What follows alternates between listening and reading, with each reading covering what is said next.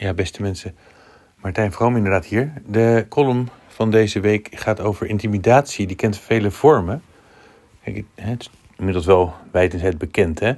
Mensen die werken in het openbaar bestuur worden best vaak geïntimideerd. Of het nou politici zijn, of burgemeesters, of ambtenaren. is tegenwoordig niet ongebruikelijk dat je te maken krijgt met intimiderend gedrag.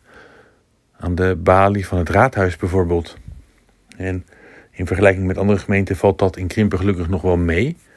Dat komt door de werkhouding van de mensen achter de balie en door de inrichting van ons gemeentehuis. Dus bijvoorbeeld altijd iemand die je welkom heet, de gastheer, gastvrouw.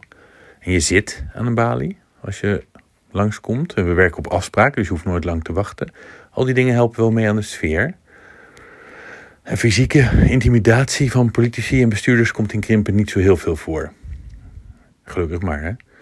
Maar digitale intimidatie via de mail, social media wel. Maar ook daarvoor geldt ook ja, minder dan elders. Wat wel steeds vaker gebeurt is het dreigen met... ja, dan ga ik wel naar de krant of dan dien ik wel een WOP-verzoek in. Nou, de WOP bestaat niet meer, dat is tegenwoordig de WO, maar toch. Dat soort dreigementen wordt in het land zo vaak gebruikt... dat het gezien wordt als een nieuwe vorm van intimidatie. want het kan ook echt het democratisch proces hinderen. Mensen kunnen er schuw van worden.